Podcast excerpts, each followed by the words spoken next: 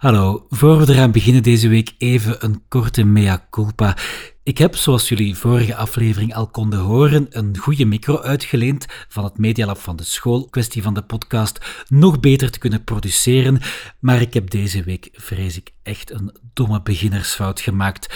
Wat is er gebeurd? Ik heb de micro heel mooi geïnstalleerd met de microfoon, arm hier voor de computer, alles netjes afgeregeld, eh, een paar proefopnames gedaan, alles in orde. Maar dan toen het tijd was om de podcast zelf op te nemen, heb ik in plaats van de audio van deze micro op te nemen, de audio van mijn brakke 720p webcam microfoontje opgenomen. Van die uh, webcam dat ik hier in het begin van de lockdown ergens onderaan in een doos nog heb teruggevonden. Dus ja, mijn audio is eigenlijk ondermaats deze week. Ik heb mijn best gedaan om het signaal zo goed mogelijk op te schonen met de nodige effectjes en filtering. Maar ja, er is maar zoveel dat je kan doen als je van een hele slechte bron vertrekt. Dus daarvoor mijn oprechte excuses. Ik hoop dat het toch nog een beetje beluisterbaar is. Zinvol gezeven. Zinvol gezeven. Wim Hambroek en Mike de Rijken. Hallo en welkom bij aflevering 8 of 9. Is het 9? Ik ga direct verifiëren. Welkom bij Zinvol Gezeven, de podcast over technologie, entertainment en alles waar we vandaag zin in hebben. In de hoop dat jij het natuurlijk ook leuk vindt. Mijn naam is Mike de Rijken en na een welverdiende herfstvakantie zijn we hier terug met uh, uiteraard Wim Hambroek. Dag Wim. We're back baby. En ja Mike, het is wel degelijk aflevering 9. Is 9? ja, ja, ja, ja. Man, man, man, Van de eerste keer juist. Ja, want het is, ik, ik viel wat uit de lucht, omdat... Ja, uiteraard, we, we, we, zijn een week weg geweest. Excuses, excuses, straks een uitleg. Maar natuurlijk voor episode 9, we zeggen van, als we terugkomen, dan moeten we sterk terugkomen. Ah ja. En we hebben daarvoor, en we hebben daarvoor iemand uitgenodigd. Dus uh, ik verwelkom uh, met veel plezier tot, de, digi tot jullie digitale oorkanalen uh, Geert Coulombier, docent van EHB. Hey! hey. dat is die pint. Ja, ik was dat, er juist aan het inschenken, maar hij liep serieus over op het moment dat je mij aankondigde. Wat bijzonder vervelend is, want bier schuimde hier helemaal over mijn bureau. Maar goed, het is allemaal goed gekomen. Ja, maar we zullen, weet je, we zullen meteen tot de kern van de essentie komen. Uh, bier, wat ben je aan het drinken? Ah ja, gewoon een heel simpel zinnenbiertje. Een heel simpel Niks speciaals. Ik durf al wel eens uh, te experimenteren in verschillende richtingen, maar af en toe een simpele zinnenbier is uh, sterke aanrader, heel goed. En hier om de hoek gebrouwen ook plezant natuurlijk. Hè. Welke hoek? Uh, Tour en Taxis. Dus dat is, is dat ook van Brussels Beer Project of niet? Nee, ik nee, nee, nee, dat zijn grote concurrenten. Dat zijn uh, ah, okay, compleet ja. anti. Oei. Uh, Brussels Beer Project is vooral eigenlijk export en toeristen. Allee, dat is niet helemaal waar. Die hebben wel een paar goede biertjes. En meneer Weemals zou mij direct afschieten, moest ik zeggen dat het veel minder goed is dan alles van Brasserie de la Seine. Want hij heeft er daar een paar waar hij zelf zot van is. Maar ik vind ze belangen niet zo goed. Ik vind Brasserie de la Seine veel beter materiaal leveren. En ook veel sympathieker als brouwerij, als volk en de cafés waarin dat zij hun producten leveren. Dus uh, als Brusselaar zijt je voor Brasserie de la Seine en eigenlijk niet voor Brussels Beer Project. Ah ja. Maar bon. Ja, je weet dat Steve op dit eigen moment al de meer aan het tippen is. Hè? Dit is dat. ik, ik uh, hoor hem tot hier. Ik hoor hem tot hier. en waarschijnlijk, als hem nu zo ergens in de buurt zit van Christophe Benoit, dan is, dan is Christophe van op de andere kant aan het roepen. Steve, zet er dat ook nog bij. Inderdaad. ja, dat zijn die West-Vlamingen die kennen elkaar aan. ja, dus dat is dat. Gewoon, nee, eigenlijk, die, die, die hebben zo walkie-talkies, zo. Dan kunnen die constant met elkaar ah, babbelen. Inderdaad. Steve, ja, Christophe. En je dat gehoord? Ja, ik ben aan het tippen. Over correcties gesproken trouwens. Correcties en aanvullingen. Ja. Onze semi-vaste beginrubriek voor ja, toch de, de, de, kleine structuur die we nog proberen in deze podcast te krijgen uh, op een of andere manier. Ik heb er eentje deze week um, van Arne. Uh, hij had het zelf ook gespot. De Konami-code is natuurlijk uh, niet wat hij gezegd had. De Konami-code is up, up, down, down, left, right, left, left right, right, AB. Left, right. ja, klopt. Ja. En hij, hij, had iets, hij, had iets, anders gezegd. Hij had up, down of zoiets klopt niet, hè. Klopt niet. Nee, dat zijn, dat zijn, dat zijn gewoon nerdfouten. Al hun nerdcredit wordt daarmee uh, de vuilbak ingesmeten. Rechtstreeks. Voor de mensen die mee zijn in de, in de oude Konami-spelletjes op uh, PC of op, ja, op console voornamelijk, um, dat was zo'n universele code in elk spelletje. Als je dat invoerde, dan kreeg je extra levens of, of zo God mode van die toestanden. Dan werd er ergens iets uh, unlocked en dat is zo'n beetje een culting geworden. En af en toe duikt dat nog eens op. In mijn webproject van het eerste jaar heb ik een, een website over een virtueel... Allez, virtueel in de zin van, het bestond niet echt, maar ik heb een filmfestival website gemaakt um, met zo verschillende zalen, verschillende dagen, met allemaal films van The Movie API. En dan had ik de Konami-code geprogrammeerd en als je dat ingaf, dan werkt elke film de Star Wars Holiday Special. Wat dat... Ik garandeer het u, dat is de, de slechtste film aller tijden. Letterlijk. Star Wars Holiday Special? Ja. Ik, zal het in de show notes bijzetten. Ja, dat is echt op eigen risico, hoor. Allee, dat is, ah, ja, Het is zelfs niet de categorie van zo slecht dat het goed is. Nee, het is echt gewoon slecht. Het is slecht. Dat klinkt gelijk een pornoparodie. Ja, dat, dat, was, dat was een special op tv over Star Wars, maar de acteerprestaties, het script is allemaal echt ver, ver, ver beneden het absolute nulpunt. Dat is ongelooflijk. De reclames waren nog het interessantste eigenlijk. Ah, oké. van de tv. Kende, ken, kende jij die code, Geert? De, de Konami-code? Want je bent ook wel een beetje een gamer, hè? Ja, maar niet dat soort spelletjes. Maar ik ken ze wel, ja. Ik, ik zou ze niet kunnen live hier even uh, reciteren, maar uh, ik heb er al van gehoord, ik zal het zo zeggen. Het is goed, het is, het, is, het is goed, Wim, het is goed. We zullen vandaag de podcast doen. We zullen misschien, we zullen misschien beginnen met een disclaimer alvorens dat ik uh, vraag om Geert uh, om zichzelf voor te stellen. Dus weer al, wij zijn momenteel drie docenten van de Erasmus Hogeschool Brussel. Alles wat verteld wordt in deze podcast is puur en alleen onze mening. Ehm, en kan niet verhaald worden op Erasmus Hogeschool, Brussel. Voilà, met die disclaimer uit de weg, Geert, mocht je u volledig laten gaan. Hier kan totaal niks terugkomen naar u. Uh, naar de EAB, wil je ja, zeggen? ja, daar kan, hier kan nooit geen gevolg aan gegeven worden. Doordat ik dan nu zeg... Juist, daarover wil ik nog iets zeggen. Ehm, de laatste instructies die dat we hebben gekregen in verband met seksuele intimiteit naar onze studenten toe. Ik dacht dat het van de AD kwam, of was het van het ganse bestuurscollege? Ik weet het niet meer juist. Alleszins, het was heel aanmoedigend. Dus disclaimer vandaar. was, het niet, was het niet zoiets in de, in de trant van, ja, technisch gezien mag het, want we zijn allebei meerderjarig, maar je moest het wel aangeven. Ja, ja, je moest aangeven. Maar de administratie, je moest het komen melden. Ja, eigenlijk, eigenlijk Wim, is dat inderdaad wat je... Het is, het is waar. Alhoewel, nee, ik denk, um, het mag alleen tussen mensen met gelijkwaardige positie. Op het ah, moment dat je... Bijvoorbeeld docent-student is niet oké. Okay. Uiteraard ja, nee, nee. niet oké. Ah, oei. Ja, wacht. Uh, ik ga even naar de website. Ah, nee. Wacht een seconde. Nee. Dat is voor straks in het EHB-roddelsegment, denk ik dan. maar ik vind het wel fantastisch dat EHB daar de moeite voor heeft gedaan om dat helemaal goed uit te schrijven, zodat het heel duidelijk ook is, ondubbelzinnig. Uh, je zou maar eens uh, moeten in zo'n situatie terechtkomen als student, studenten Um, je kunt maar beter goed beschermd zijn door een goed reglement, lijkt mij dan. Het zal wel zijn, het zal wel zijn. Uh, maar, ah, wel, maar dus in verschillende machtsposities mag niet. Dus ik mag niet met Steve beginnen verkeren, bijvoorbeeld. Dat mag niet. Uh... jullie, jullie zijn... Iedereen shipt jullie maar op de campus. Doe me, zouden ze ons gezien hebben? Nee, um, maar dat wil, uh, ik vraag me dan wel af ja, uiteraard, dat gaan nu al jaren mee. We hebben het ook in de, denk twee, een tweetal podcast uh, afleveringen geleden hebben het ook gezegd. Uh, Leonie en Filip, maar die zaten in verschillende de, allez, departementen niet, die zaten in verschillende afdelingen. Terwijl de ene administratief personeel was, was de andere opleidend personeel. En waar, daardoor waren ze niet elkaarders meerdere. Dat is wel grappig. Hm. Maar er is wel een meldingsplicht ook ergens. Ik weet niet juist hoe dat het allemaal zit. De truc is gewoon niet op school. Ja, maar kijk, ik denk... Uh, we zijn, ik denk, ik ben de enigste van onze drie die officieel getrouwd is, denk ik. En jullie, zijn al, jullie hebben allebei een partner, hè? Klopt? Ja. Yes. Dus voilà, kijk, dat is er sowieso geen probleem. Hè. Wij zijn bij onze brave mensen, hè, brave man. Hè. Maar voordat ik mij hier in de problemen ga lullen en, dat mijn, en dat mijn vrouw mij, mij daarmee gaat confronteren. Geert, stel u een keer voor, voor de personen die u niet kennen aan de EHB, uh, wat doe je daar en in welke vakken zien we u het meest? Ik geef les in de opleiding Bachelor Toegepaste Informatica.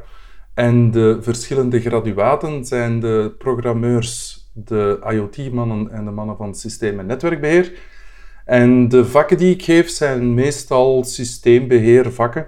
Van beginnende vakken zoals IT Essentials, uh, waar dat wij zo zaken zien als hardware, wat binair rekenen en de basis van operating systems. En de meer gevorderde zaken tot PowerShell scripting, Windows serverbeheer, Linux serverbeheer, wat Docker, wat Kubernetes, heel beperkt. Ehm, ik denk dat we daar zo...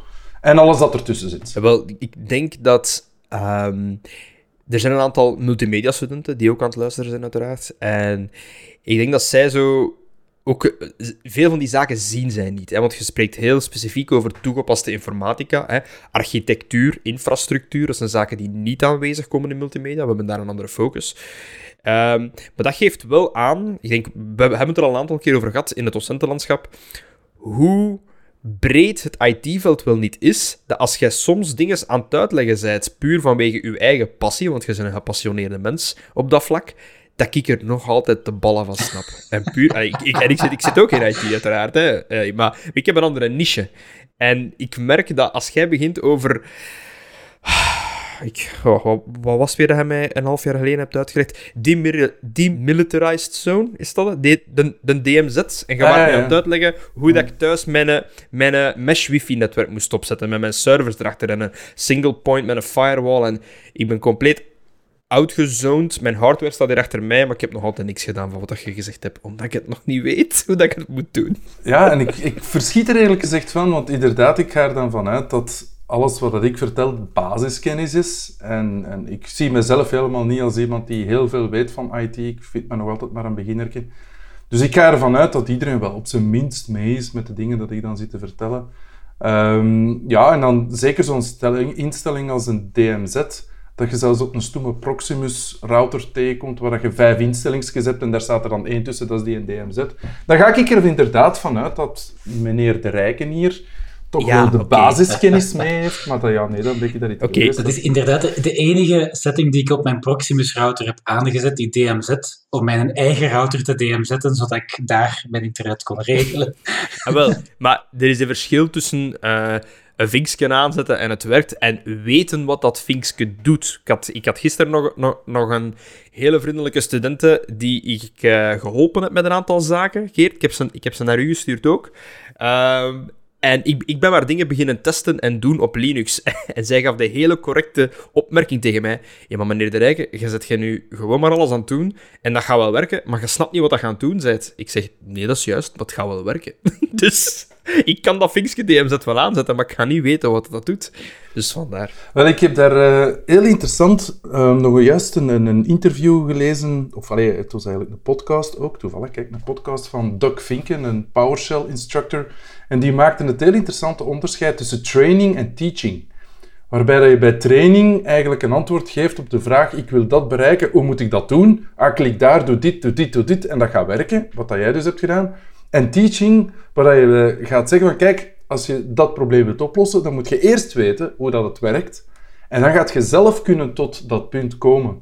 Ja. En dat is misschien een, een probleem dat er vaak van ons verwacht wordt, is dat wij aan training doen, terwijl dat wij dat niet doen. Wij doen aan teaching. Wij, wij verwachten ook van onze studenten dat zij snappen waar ze mee bezig zijn en zo tot het punt komen dat ze zelf oplossingen vinden. Dat, ik vond het eigenlijk mooi geformuleerd. Wij zijn geen trainers, wij zijn teachers. Ja, wel, en van, vandaar dat ik ook altijd hele harde fan ben, tot de frustratie van sommige studenten toe, dat ik altijd zeg van, kijk, dit zijn nu de zaken, zoek het nu zelf uit. Ik heb u alle tools gegeven, ik zal u hier en daar wel een hint geven als je vastzit of zo, of een error mee oplossen. Maar ik probeer ietsje meer af te stappen. Wat grappig is, met dat ik begonnen ben met, met, al die blended video's, mijn stap-voor-stap coding along en dit en dat. Maar ik merkte dat daar heel vaak... Misbruik is het foute woord, maar de, het werd ver- verkeerd gebruikt. Mensen gingen mijn filmpje volgen van A tot Z en ze hadden hetzelfde resultaat op het einde en ze dachten, ik kan het. En dan komen ze op het examen en ik stel een andere oefening die soms wel, allee, spoiler alert, simpeler was dan die in de lessen. Ehm, ja, en, en dan blokkeerden die. Maar helemaal in het begin, omdat ze het niet, niet konden. Dus dat is, dat is iets wat ik geleerd heb in mijn beperkte, moet ik het zeggen, loopbaan momenteel als docent. Hoe lang geefde jij al les, eh, Geert? Dus ehm, ik ben een tel Dus kwijt. Eh, ik, ik weet het niet. Al echt lang. Echt, echt, echt lang. Ehm, Hoe jong zijt je? We zullen daarmee ik beginnen. ben 47, dus ik moet even terugtellen. Ik ben Afgestudeerd, dan uh, nog een paar jaar als sociaal assistent gewerkt en dan in de ICT-sector begonnen. En een paar jaar daarna ben ik beginnen lesgeven al direct als, uh, als ICT'er. Dus ik schat zo ergens rond mijn 27, dus dat moet ongeveer 20 jaar zijn. Ja. 20 jaar dat ik God damn it. Ik, ik wist dat jij boven de 40 was, maar ik wist niet dat jij 47 werd. Ja, vandaar het wit op de baard wel. Hè. Het was u misschien al opgevallen. Ja, ik, ik, ik spaar daarvoor, dat, dat weet je. Ik denk, ik, ik denk altijd van, als ik mijn baard goed laat groeien en dan beginnen die grijze plukken erin te komen, dan ga ik oftewel heel, uh, moet ik het zeggen, Sean Connery er gaan uitzien. Dus zo dignified, ofwel zo verwazzeld gelijk Jack Black. Dus één van de twee. ik zal wel zien wat dat wordt. Ik ga voor beide. het lukt redelijk goed eigenlijk. Die van mij is wel langzaam. Er, beginnen zich witte haren te, voor te doen Oei. in de baard. Maar ja, die van mij is er sowieso... Uh, wat was het woord? Fragile?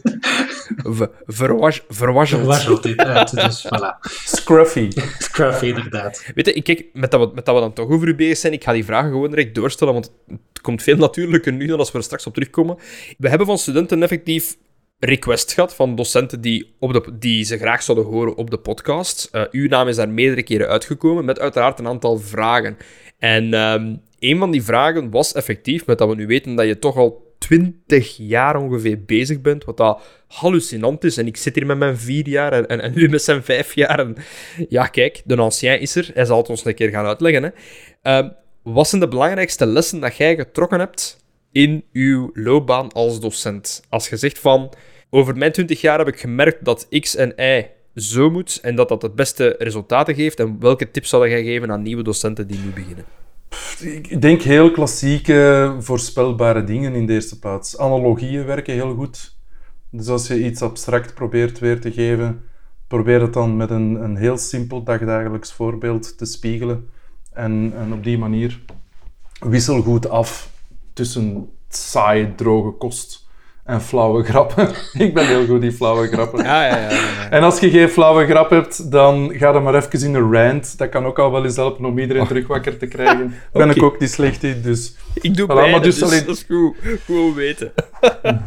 Eigenlijk, het, het, principe is, is een beetje zien... Dat het beschouwen alsof dat je op een podium staat en dat daar een publiek zit, dat je toch wel moet proberen te animeren. Het, is, het einddoel is dat iedereen aan de andere kant iets mee heeft, iets geleerd heeft. En dat ga je niet doen door oer saai te zijn.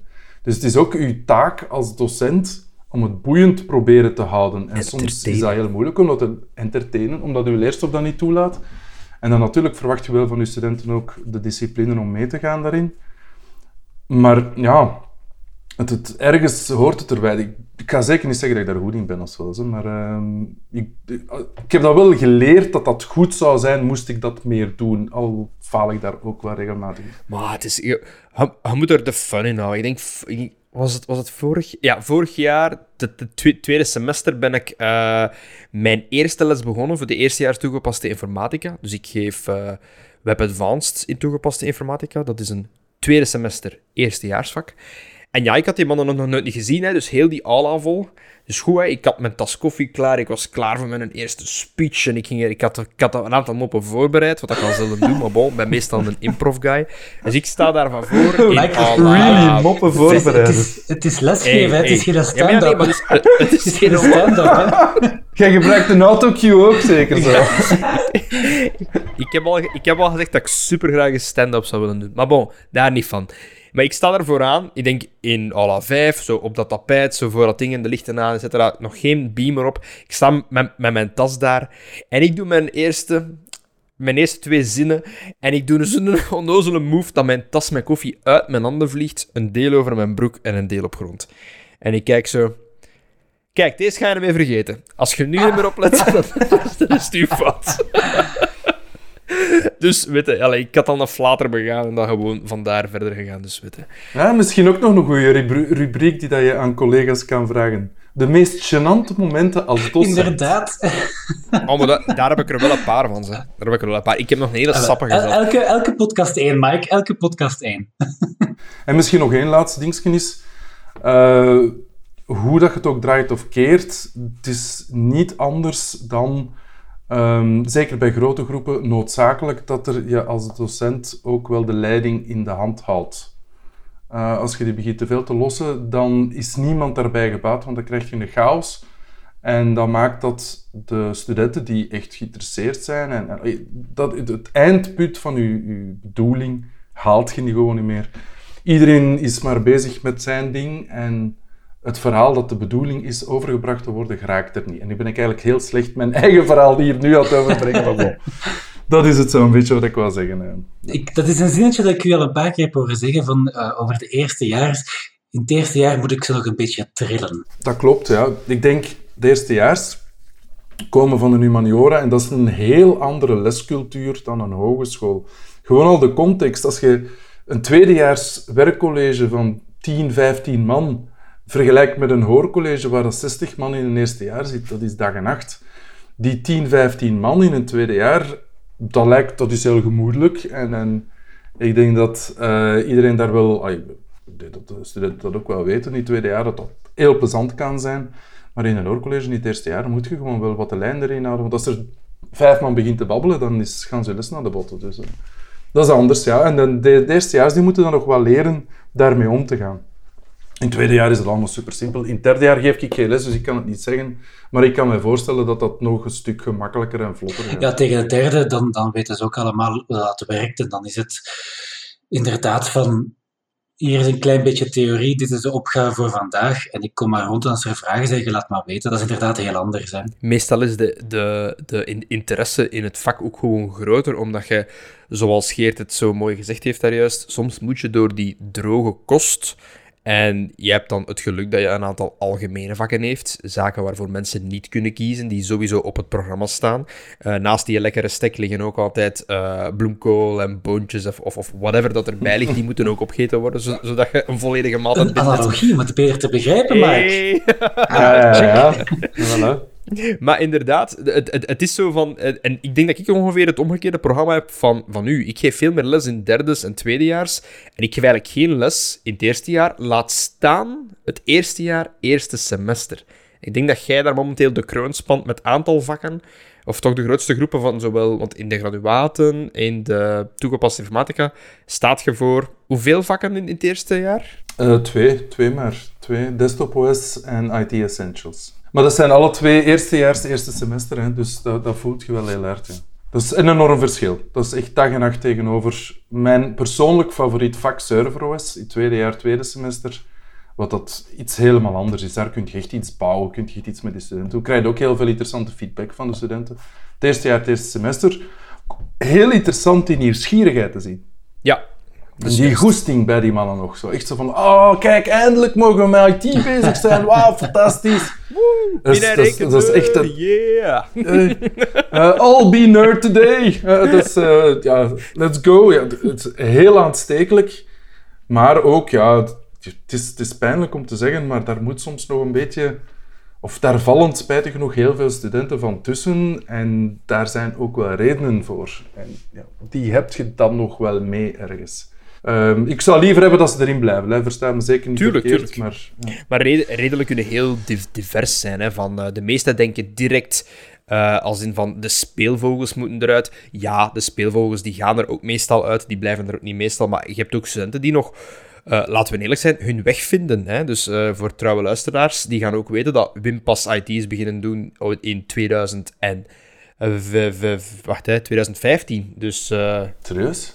Je bent nog maar vijf jaar met IT bezig? Uh, dit is mijn vijfde jaar dat ik lesgeef, ja. En daarvoor heb ik dan die drie jaar gestudeerd, ja. Lesgeef? En daarvoor heeft hij drie jaar uit ja. toegepaste gedaan. Ja. Voilà. Wauw, dan, dan moet ik wel zeggen dat je heel snel een heel hoog niveau hebt gehaald. Zie ik hier, jongens. Hey, hola. Dank u, dank u. Hola. Kun je een uh, jingle ondersteken voor uh, schouderklopje of zo? Nee, heb ik nog niet.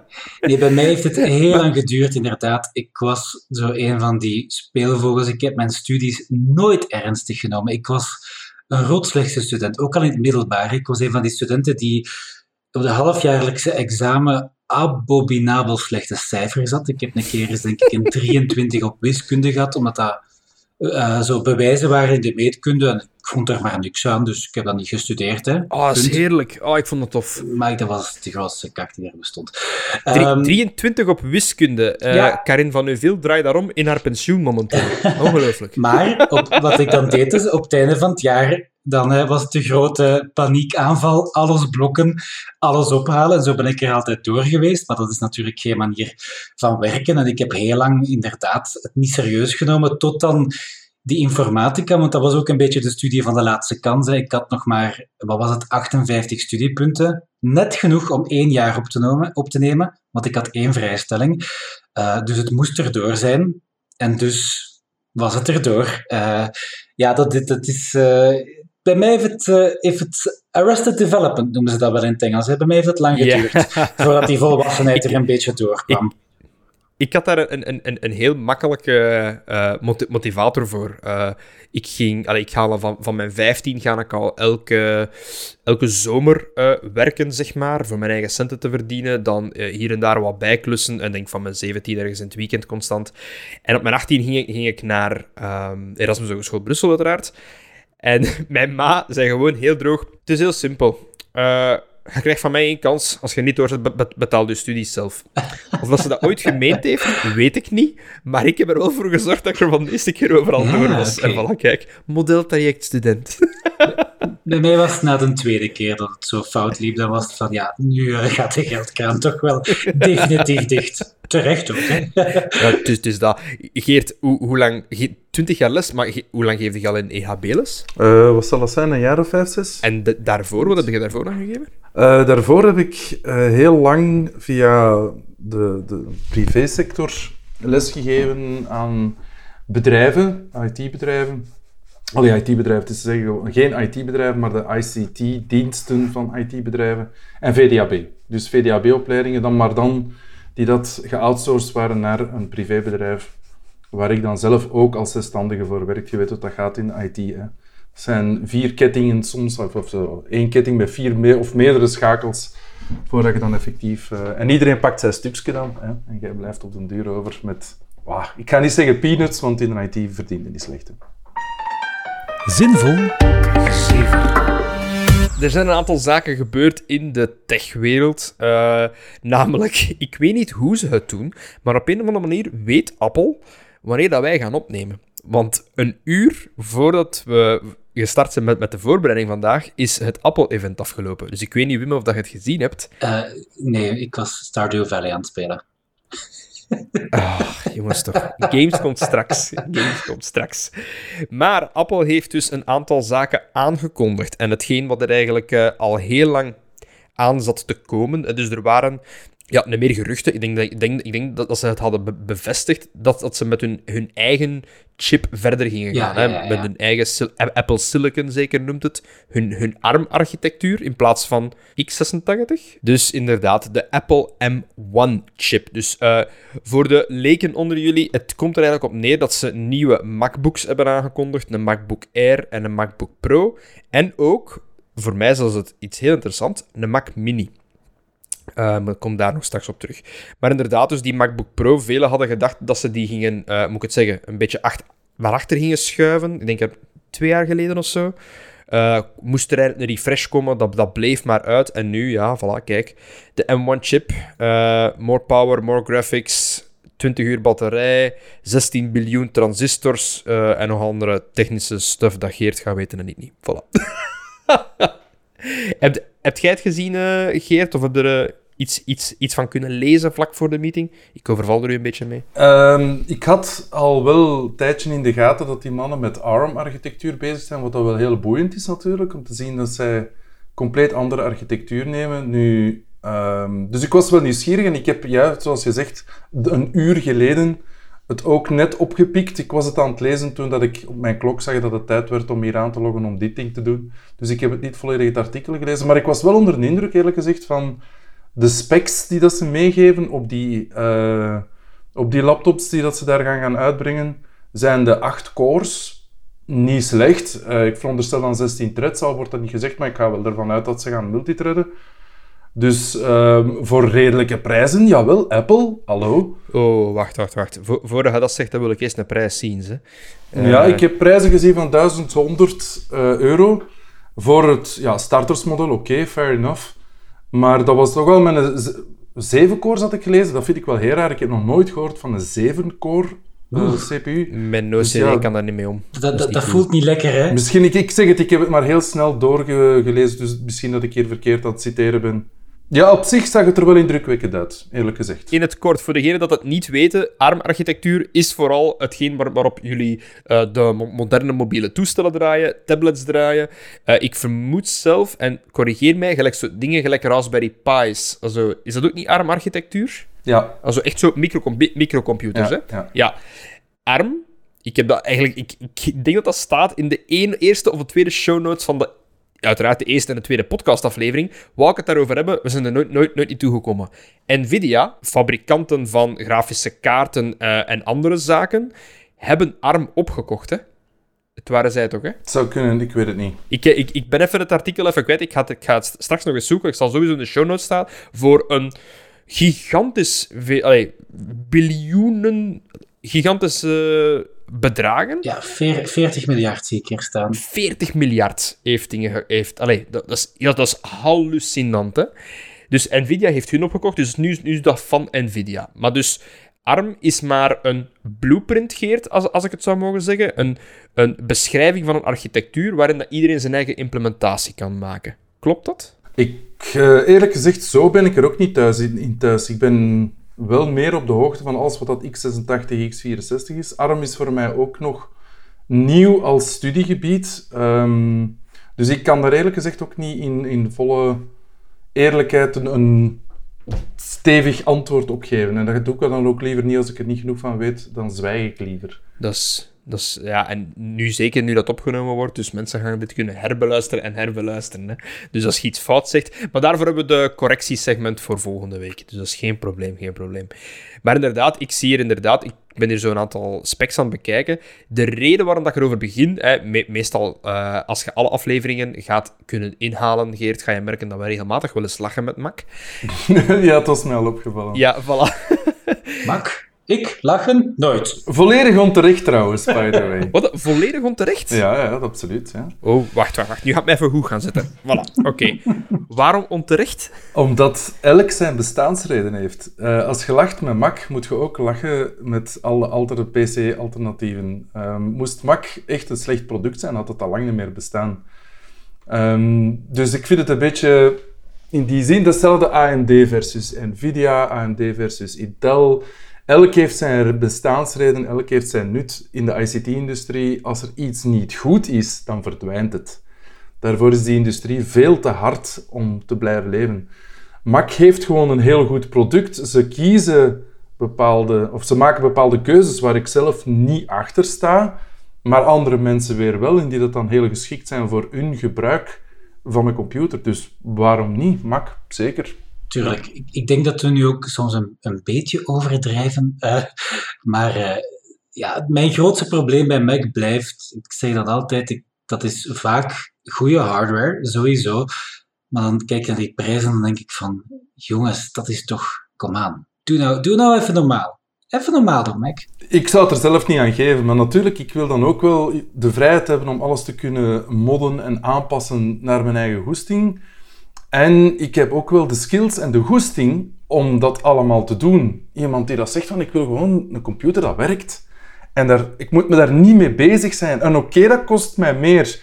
Maar al die stress en al dat gedoe dat daarbij komt, wil ik echt niet aan mijn kop hebben. Geef mij dan, dan betaal ik 1000 euro meer. Maar dan heb ik wel een machine waar ik kan op zeker zijn, quasi zeker, niet, eigenlijk helemaal niet zeker, maar het gevoel hebben dat ik zeker ben dat alles in orde is. Dus ja, waarom niet? Is een beetje gelijk een, een, een, een pre-built Alienware kopen. Hè. Je weet dat wat dat, je iets hebt. fuck, ik weet het. Ik, ah, ik was aan het wachten. maar wie doet dat nu? een, een pre-built Alienware. Really? Geen commentaar. Kijk, ik was aan het wachten. Het heeft nog lang geduurd. We zitten op 39 minuten in de opname. Het heeft nog verdacht lang geduurd, eigenlijk. Ik was aan het wachten voor, voor hem binnen te koppen. Merci, Geert. Merci. Het was uh, inderdaad. Maar kijk, en daarom ben ik echt zo blij dat ik u heb op, op de podcast, want dat is, het eer, dat is e-, een van de weinige argumenten dat ik al gehoord heb voor Mac. Dat makes sense, inderdaad. Als het slecht is, zou het lang van de, van de markt verdwenen zijn. Nu, volgens die logica snap ik nog altijd niet waarom er nog altijd crocs bestaan. Dat zou moeten verboden worden. Maar bon. maar, allee, Mac heeft een aantal keuzes gemaakt. Nu, de reden, ik wil gewoon, allez, om, om, om weg van Mac te gaan, ik wil met, met één ding eindigen. Die Mac Mini interesseert mij eigenlijk zeer hard. Waarom? Ik heb al meerdere keren gezegd, ik wil een keer een jaar, allez, of laten we afronden een schooljaar, uh, werken met Mac om effectief een keer object, allez, objectief, nee, ik kan niet objectief zijn, want het gaat mijn mening zijn. Ehm, om te kijken na een jaar, wat vind ik nu van Mac als ik een keer ondergedompeld word in dat ecosysteem? En YouTube staat daar vol van, van I switched everything to Mac. Of I switched everything from Mac to Windows. What, this is my experience. Maar ik wil dat zelf een keer ervaren. Als developer, als leerkracht en tegenwoordig, hè, net zoals we hier aan het doen zijn, content creator. Mijn vrouw trouwens is verliefd op het woord content in de zin van, zeg jij dat nu weer al? maar ik ik wil een keer die switch maken. Ik wil een keer kijken. En, dat, en de Mac Mini is letterlijk gewoon hier naast mijn PC te plaatsen. En met een heel simpele HDMI-switcher kan ik switchen van PC naar Mac zonder problemen. Want ik ga blijven gamen natuurlijk. Dus allee, dat is nog altijd mijn grootste hmm. gripe. Wel, ik heb dat inderdaad gedaan, die switch. Toen ik die MacBook heb gekocht, heb ik mij ook verplicht om effectief is een, een half jaar ga ik echt alles op die macOS proberen doen. Ehm, en dat is inderdaad wel een interessante oefening, omdat ik daar ook heel weinig van, van wist. Hetgeen wat ik wel moet zeggen, wat Mac echt wel goed heeft gedaan, maar Windows de laatste jaren beter is geworden, is het hele ja, convention over configuration principe. Hè. Bij Windows vroeger, als je dat installeerde, daar moest je tien configuratieschermen doorlopen van uh, wat is uw taal, wat is dat, hoe wilt je netwerken, hoe wilt je dat, hoe wilt je dus, of wilt je zo. Mac vraagt u een paar basisvragen. Waar woont je, welke taal spreekt je? En dan gaat hij eigenlijk alle mogelijke instellingen op een soort van setting zetten die voor, laten we zeggen, 80, 90 procent van de gebruikers in orde is. En dan kun je het later nog wel aanpassen. En dat is wel iets dat, ik, dat mij opviel, dat is wel heel sterk natuurlijk. Uh, dus het ging daar net over mensen die gewoon misschien niet super tech uh, onderlegd zijn, die gewoon een computer willen komen die werkt. In dat opzicht inderdaad hebben ze dat wel goed begrepen in Mac, dat wil ik gerust toegeven. Wat ik wel vond is dat ik op Windows ordelijker kon werken, omdat je daar je venstertjes zo kunt uh, naast elkaar sorteren. Die Finder, ik, daar word ik zot van. Maar ik raak daar niet bij. ja, het maakt een hele hoge abstractie van je bestandssysteem. En dat is voor informatica mensen soms een beetje vervelend. Ben je alles ondergedompeld geweest, Geert, in het Mac-ecosysteem? Zijn er voor een langere tijd dat je hebt moeten meewerken? Nee, absoluut niet. Ik heb er al wel hier en daar eens moeten, tot mijn grote ergernis, ondersteuning ingeven. Hè. Ik heb problemen met mijn computer. Jij kent toch iets aan computers? Kun jij eens kijken? Ah ja. Ah ja, tuurlijk. ja. En dan tonen ze een iPad. en ja, aangezien dat wij met computers werken, kennen we ook alles van computers. Alles, ah, tuurlijk. Dus Echt, uh, die ene freaky app die dat zij dan hebben geïnstalleerd in hun compleet obscuur operating system van 20 jaar geleden, dat kent jij toch ook, want jij zit toch in een IT. Hè? Uh, maar ja, nee, ik heb voor de rest eigenlijk buiten dat nooit echt met een Mac gewerkt. Maar ik snap wel. En ik heb ook, er zijn genoeg mensen waar ik enorm veel respect voor heb binnen de ICT-industrie, die dat zweren bij Mac. Jan Wanten bijvoorbeeld. Is uh, een, een, een Mac-gebruiker Terwijl hij ook wel heel goed weet waar hij mee bezig is. Maar je zet er ook wel Windows op, herinner ik mij. Ik dacht even dat je Johan van, van, van den Broek ging zeggen, maar na die roddel van vorige keer... Ik, ja. ja. we gaan nu... Maar ik moet dat nu echt weer... Ja, sorry. Ik wou nog even... Dus elke keer als ik eraan denk, komt dat terug boven. Hè? Ja, het is... ja. Ja, maar het begint, begint wel een beetje te spuigaten uit te lukken momenteel. Maar bon, ja, kijk, het is goed. Het is, goed is, dat niet, is dat niet beter van, zoals Trump, van negeer het gewoon, dan gaat het negeren. over? Nee, ja, niet, niet, niet conceden. Maar ik wil het eigenlijk terugbrengen naar de technologie, Geert. En met dat gezegd van, je hebt er juist vermeld, je prutst ook graag. En, en je steekt zelf graag je PC in elkaar. Nu, wij hebben onze aflevering al gehad, waar we eigenlijk onze specs een keer uh, besproken hebben, wat dat wij hebben. Geert, welk beest heb jij daar draaien op je, eh, op je bureau? Wel, in tegenstelling tot wat je misschien denkt, ik ben niet de man die voor een keihard, zwaar, groot beest gaat en dan gaat gaan stoeven van mannen, brag, dit is, dit is ergens zien en ledlichtjes en een venstertje. en ik heb hier de zwaarste, strafste, de grootste eigenlijk. Hè, want daar gaat het dan toch En de langste en de dikste. Voilà, Ah, wacht. ja, sorry. is- Dus, nee, ik, ik, eigenlijk eerlijk gezegd, waar ik het meeste plezier uit haal als ik computers bouw of servers bouw, is een, een target voorop stellen dat misschien minder conventioneel is. Dat zijn zaken als stroomverbruik, bijvoorbeeld. Ik vind dat heel leuk, zeker voor servers, stroomverbruik, om heel tof eh, of, of eh, heel minimalistisch daarin te gaan. Ehm, en voor mijn PC, mijn werk, game-PC, Ehm, ben ik dan ook zo niet degene die dat voor het laatste en het beste gaat? Want dat is absurd, vind ik persoonlijk, van een i7 of een i9, god verbid, te gaan kopen, waar je dan een paar honderden of 500 euro meer aan uitgeeft, die dat dan binnen twee jaar even snel is als een i5 op dat moment. Dus die, die meerwaarde haalt je daar gewoon niet uit. Eh, vandaar dat ik eh, altijd heel evenwichtig koop en lange termijn en een redelijk conservatief, brave computertjes in insteek. Ehm, maar dus om te antwoorden op je vraag, wat heb ik van computer op dit moment? Hè? Ehm, dat is een, en daar was ik wel heel blij, nog altijd heel blij over trouwens, een AMD Ryzen eh 3600. Ah, voilà, kijk. Ja, ik heb 3007, maar inderdaad, inderdaad. Ik denk dat wij ongeveer op dezelfde moment onze PC hebben gekocht. Ja, inderdaad. Dus ik heb de 3.6 gekocht. Ehm, zeer goede CPU, prijs-kwaliteit. Die was spotgoedkoop voor wat dat daar eigenlijk eh, mee te doen was. En middensegment, zoals ik heel vaak koop trouwens. Heel goed bakje. Nu natuurlijk eh, aan het kwijlen op die nieuwe... eh, Oh, die nieuwe- 5000. Oh, Ja, inderdaad. heb je de benchmarks gezien? Ja, inderdaad. Ik heb ze gezien. Ehm, ja, kijk. Ze maar- passen op je sokken, hè. Ze passen erop, hè. Ja, maar dat ga ik dus niet doen en dat zou ik dus ook nooit niet doen. Eh, ik, wacht gewoon, ik ben eigenlijk nog altijd heel tevreden met de deze, dus ik ga het daar nog wel een paar jaar mee uithouden. Maar inderdaad, AMD is zo goed bezig. En ik ben, oh, ze hebben natuurlijk, en dat krijg je dan weer aan de andere kant, de nieuwe generatie is dan weer duurder, hè, want ze weten dat ze de beste hebben, dus ze trekken hun prijzen omhoog. Dus nu is de vraag wat dat Intel gaat doen met hun nieuwe generatie, die dat in 2021 gaat uitkomen. Ehm, ja, ik, ik ben nieuwsgierig. Ik weet niet wat ik ervan moet verwachten, eerlijk gezegd. Ik denk dat ze misschien zelfs eens gaan durven op prijs spelen. Dus dat het helemaal omdraait, zou wel eens tof kunnen worden. Alleszins, het is goed van Ja. de markt. En de, de, de, ik, ik, heb, ik heb al een aantal filmpjes gezien. Een van mijn favoriete YouTubers voor het tech-gegeven eh, blijft Linus Tech Tips. Ik weet niet of dat je die kent. Ja, uiteraard, Dat is een ja. heel populaire. Eh, en hij heeft in de, en ja, het was weer zo'n spraakmakende vi- video van eh, Remember this day. En dan hij gewoon met de Ryzen 5 in zijn hand. Ik zeg, oké, nu moet ik kijken, want nu gaan er echt inderdaad dingen zijn. En inderdaad, de, de gains dat ze hebben, ongelooflijk zot. En ja, en hij is dan heel technisch beginnen praten over wat dat, met wat dat Intel gaat afkomen. En hij, en hij gaf daar een uitleg aan. Ik vertrouw hem op zijn woord, want die, die, is, die kerel is veel slimmer als ik. Die is, wat dat die weet, ongelooflijk. En hij zei inderdaad van, de kans dat ze gewoon gaan break-even spelen met de performance van Ryzen, is eigenlijk gewoon zeer groot. Ze gaan er amper over gaan. Omdat ze niet van ehm hun die ga, gaat, gaat, gaat niet, niet verkleinen of zo. Dus also, die zaken... Er zijn weinig architecturale verschillen bij Intel. Ze, ze spreken over een bepaalde boost. Ik ben even de, de naam specifiek kwijt.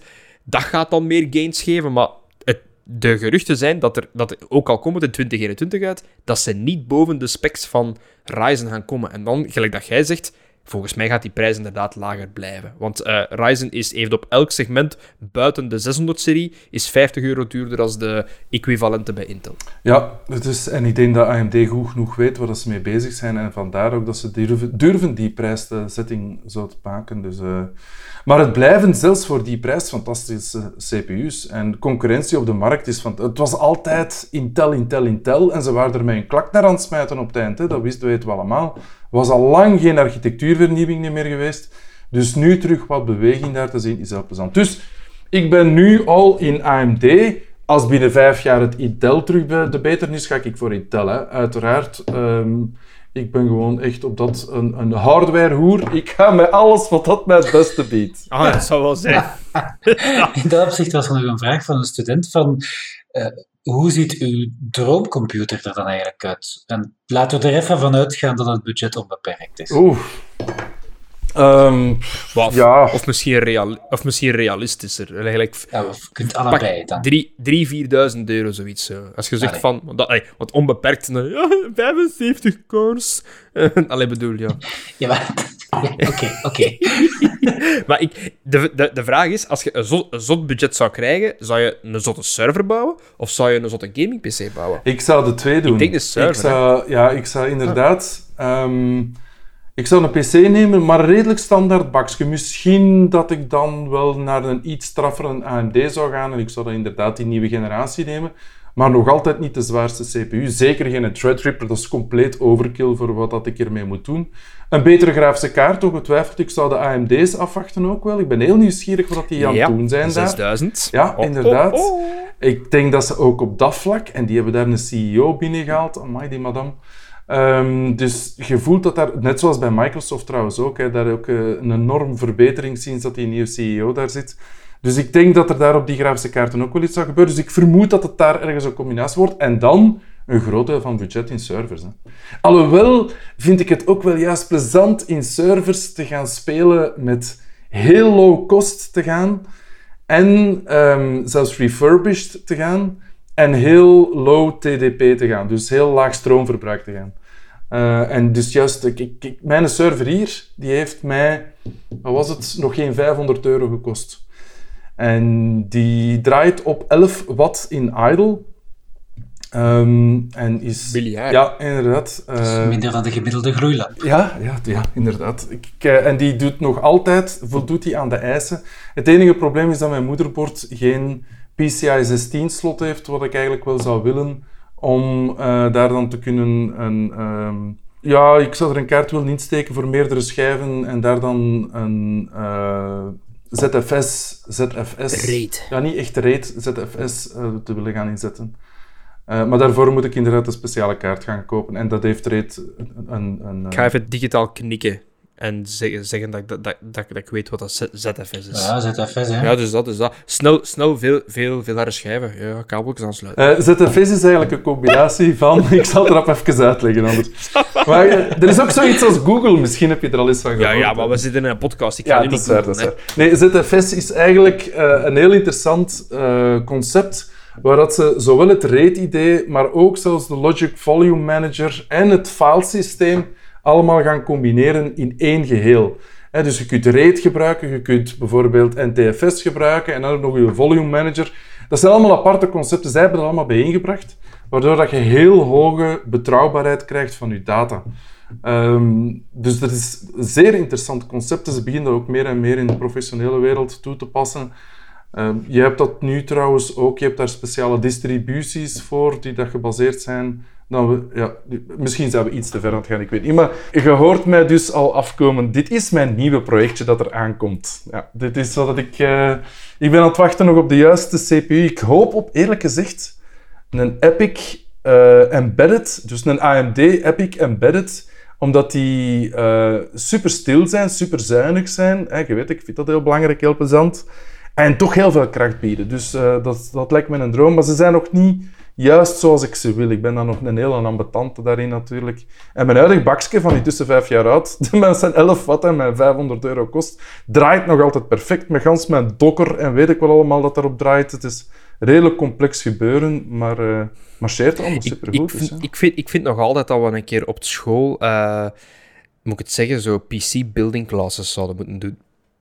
Als er mensen zouden dat, dat willen doen en, en dan filmen en zo. Waarom, waarom zeg ik dat? Is omdat, eh, zoals ik al meerdere keren vermeld heb, ik geef les in digital teaching. En mijn eerste studenten hebben mij nu gecontacteerd voor vragen voor extern, extra externe hardware en welke moet ik kopen eh, en, hoe kan, en, welke audio hardware en zo. En ik ben altijd aan het wachten tot als mijn eerste student mij gaat zeggen ik ga me effectief een nieuwe PC kopen. Kun je mij helpen met een beeld? Dan zeg ik ja, ja, ja, ja. Want niks is zo leuk. Ik denk dat Geert en ik die, die passie delen. Vanaf het moment dat we weten dat we een PC gaan kopen, Oh man, het internet kan niet genoeg tabs hebben openstaan op je PC voor alle vergelijkingen en benchmarks dat je maar kunt hebben. Dat is echt wel waar, ja. Dat is het moment dat je zo boven de 50 tabbladen in je browser gaat. Ja, ik heb dat nooit niet, hè. maar als ik op zoek ben naar nieuwe componenten en ik stel een beeld samen, oh my god, overal. En YouTube, Oh, zo in, in, mijn, in mijn op mijn linkerscherm eh, een review van Linus Tech Tips, op iets anders met een PC Part Picker lijst en op het ander een artikel dat ik aan het lezen ben. En alles tegelijk zo. Bam, bam, bam. Ah, heerlijk. En ik wacht nog altijd dus die eerste student, ik ga, ik ga deze, deze podcastaflevering ga ik meegeven, als er iemand zin heeft om de PC te bouwen, al is het voor uw zoon, er zitten mama's en papa's bij, Koopt u een PC voor uw zoon voor kerstmis. Ik zal hem bouwen met u. En we gaan er een sessie van maken in het FabLab. Nee, Mike, ik moet je wel zeggen, ik krijg die vragen echt wel redelijk uh, vaak in mijn lessen van IT Essentials. En, en hoe, hoeveel keer... Ah, wacht, voor een PC te bouwen, dus een, een, een, een uh, desktop? Ja, een desktop. Of ja, ook welke laptop moet ik kopen natuurlijk, wat dat iets minder plezant is. Maar ook, ja, effectief, van is zoveel RAM voldoende, zou ik die CPU kopen of die CPU? Dat gaat toch al echt in de, in de richting ja, van natuurlijk, ja, ja. De, de plezantere discussies. Zo.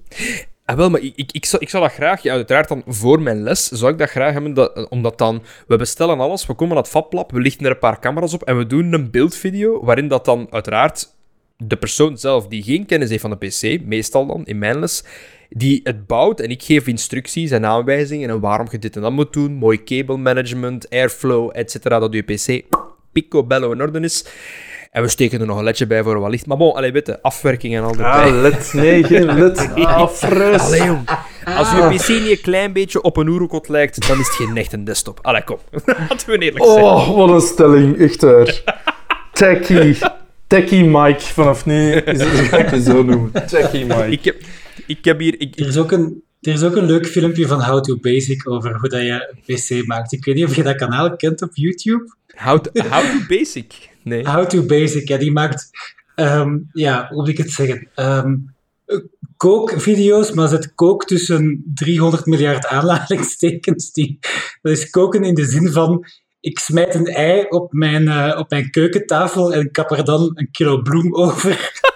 Allee, en, zo heeft hij ook dan, hoe, dat, hoe bouw ik een pc? Dat, dat begint altijd, de eerste vijf seconden zijn normaal en dan smijt hij er eens cornflakes in en zo. En dan, allee, dat is heel absurd. Ik vind dat heel grappig. Ik denk dat dat de reden is dat mijn laatste PC-beeld is gefaald, want ik heb dat eigenlijk proberen na te apen. En dat werkte dan niet zo goed. Dan ik van, kom, ik zal een Alienware kopen. Ja, het is dat. Voilà. Ja, maar ik snap het. Ik snap het. Dat, dat doet me denken aan... Is het um, met Harvey um, de Epic, Epic Mealtime? Is dat dat? Dat ze zo altijd zo aan het roepen ja, zijn. Ja, ja. Ik maak dat. Buh. En dan zo echt zo met zo'n metal stem. En pakt hij zo mustard. En zo gewoon scratch erin. Ze de spaghetti tegen de muur smijten, gelijk mijn krets. Ja, wel ja. Het is, ah, heerlijk. Het is, die stijl Ah, inderdaad, ja. Heerlijk, heerlijk, heerlijk. Ik ga er nog eens opzoeken. dat kriek mee liggen, hè. Ja, bon. Ik ga, ik ga het zoeken, ik ga het in de show notes zetten, want dat was echt... Er gaan weer veel linkjes in Oh, staan. linkjes, dus, dat, dat is leuk. week. Voor degenen dat het niet weten, dus effectief in de show... Als ik zeg van het staat in de show notes, sommige mensen luisteren daar gewoon naar en drukken gewoon op play, maar bij sommige applicaties, als je niet Apple Podcasts hebt, heb je de mogelijkheid om de notities van een episode te bekijken en daarin staan eigenlijk... Allee, proberen we toch de meeste links te plaatsen van zaken waarover we praten. Dus bijvoorbeeld vandaag die zaken dat we nu, de YouTube-kanalen bijvoorbeeld, Lions Tech Tips, het Apple-event en de Roundup, de Mac Mini, etc. Dat er allemaal in staan. Ik zal misschien ook een link naar de cursus van Geert voor, Ja. eh, om alle afkortingen te kunnen opzoeken die gebruikt zijn. Eh gemaild dat naar geert.coulombier.ehb.be als je toegang wilt tot zijn cursus. En hij zal u Ah ja, en mijn gsm-nummer is... 1, 2, 3, 4, 5, 6, 7. Ik heb die pijs. Ik zal het in de show notes zetten, Geert. Dat moet je dan nu, nu, nu, nu niet zeggen. Voilà, dat is gemakkelijk. gemakkelijker. Dat is gemakkelijk. Ja. Dank je daarvoor. Nog één ding waar, waar, waar, ik op wil... ehm, ik denk op eh, aanvraag van, van Geert zelf. Ik vond dat een heel goed topic. Zijn de, met dat we toch over... We hebben nu over de PC gehad, we hebben over de hardware gehad. We hebben een klein beetje over software eh, gepraat, uiteraard. Maar eh, Geert, jij, jij gaf iets aan aan mij. Hè? Zijnde van... Wat is de workflow van, van jou bijvoorbeeld op je PC? Wat heb jij op je PC staan om je dagdagelijkse leven als leerkracht, als IT'er, als IT-nerd makkelijker te maken? Heb je zo'n aantal tips en tricks voor studenten van best practices voor eigen desktop-onderhoud? We gaan het houden bij desktop, want server, daar kunnen we dan nog veel dieper op ingaan, maar we gaan het houden bij desktop. Goh, ja, ik weet het niet of dat het voor andere mensen even nuttig gaat zijn als dat het voor mezelf is, maar ik heb inderdaad wel een paar tools en een workflow ook, een manier hoe dat je ze gebruikt, die ik zelf super belangrijk vind en niet meer zou kunnen missen. Eén ehm, daarvan is Power Toys. Het is misschien voor sommige mensen wel gekend van vroeger. Uh, lang geleden heeft Windows daar een, een, had die een stel tools gemaakt voor admins. En ze zijn daarmee gestopt en ze zijn daar terug mee begonnen. En die Power Toys, daar zit een heel pak rommel in. Het is heel experimenteel. Het zit in versie 0.25, dat zegt u al genoeg. Maar daar zit er eentje tussen die voor mij echt compleet essentieel geworden is. En dat is Fancy Zones. En Fancy Zones is een toeltje waarmee dat je shortcuts kunt maken en zelfs je Windows-toetsen kunt gebruiken om een schermindeling te maken. Dus bijvoorbeeld, ik, ik werk met een ultra-widescreen, 34 inch. Uh, fantastisch is dat. En ik heb nu een aantal gepreconfigureerde layouts van mijn scherm. Dus bijvoorbeeld als ik eh, aan het developen ben, dan heb ik in het midden mijn eh, VS Code. Aan de linkerkant heb ik een browser voor iets op te zoeken. Rechterkant PowerShell en dan nog een andere met een browser voor gewoon in mijn bestanden te kunnen gaan. En zo kun je dan met een shortcut switch naar iets compleet anders gaan. Je kunt die bestanden, je schermen heel gemakkelijk herschikken. Fantastisch, echt waar. Neemt me dan niet af, ik word mijn tand. Dus dat is uh, een hele goeie. Je kunt het ook gebruiken met multiscreens als je meerdere schermen hebt en zo. Fantastische tool. Um, nog zo eentje die dat onlangs mijn leven heeft toch wel veranderd. Dat klinkt erg als je dat eh, zegt over software, maar alleen bon. Je bent 47, jij mag dan. Kom. Ja, voilà, kom. Oké, dat klinkt nog erger. Ja, snotneus. um, Allee, zeg het. Kom. Terminal, Windows Terminal, Windows Terminal. Dus vroeger, ja, ik, ik werk heel vaak in de command line. Uh, de command line, maar dan heb je een, een PuTTY openstaan voor het een en dan heb je een CMD openstaan voor ander. En op den duur zit je met tien verschillende terminals en Windows Terminal die brengt dat bijeen allemaal. Eén applicatie waarmee dat je kunt SSH'en, waarmee dat je kunt PowerShellen, waarmee dat je je CMD kunt doen, waarmee dat je zelfs uh, Azure kunt gaan gaan, of Azure, zoals de mannen van Microsoft het zelf zeggen. Azure. Uh, bon, het is, het is echt een hele goede tool voor alles wat een command line is. Uh, aanrader, aanrader. Ja, dat kan ik ook onderschrijven. Die heb ik ook uh, onlangs ontdekt. Ik denk misschien zelfs op aanraden van u, Mike.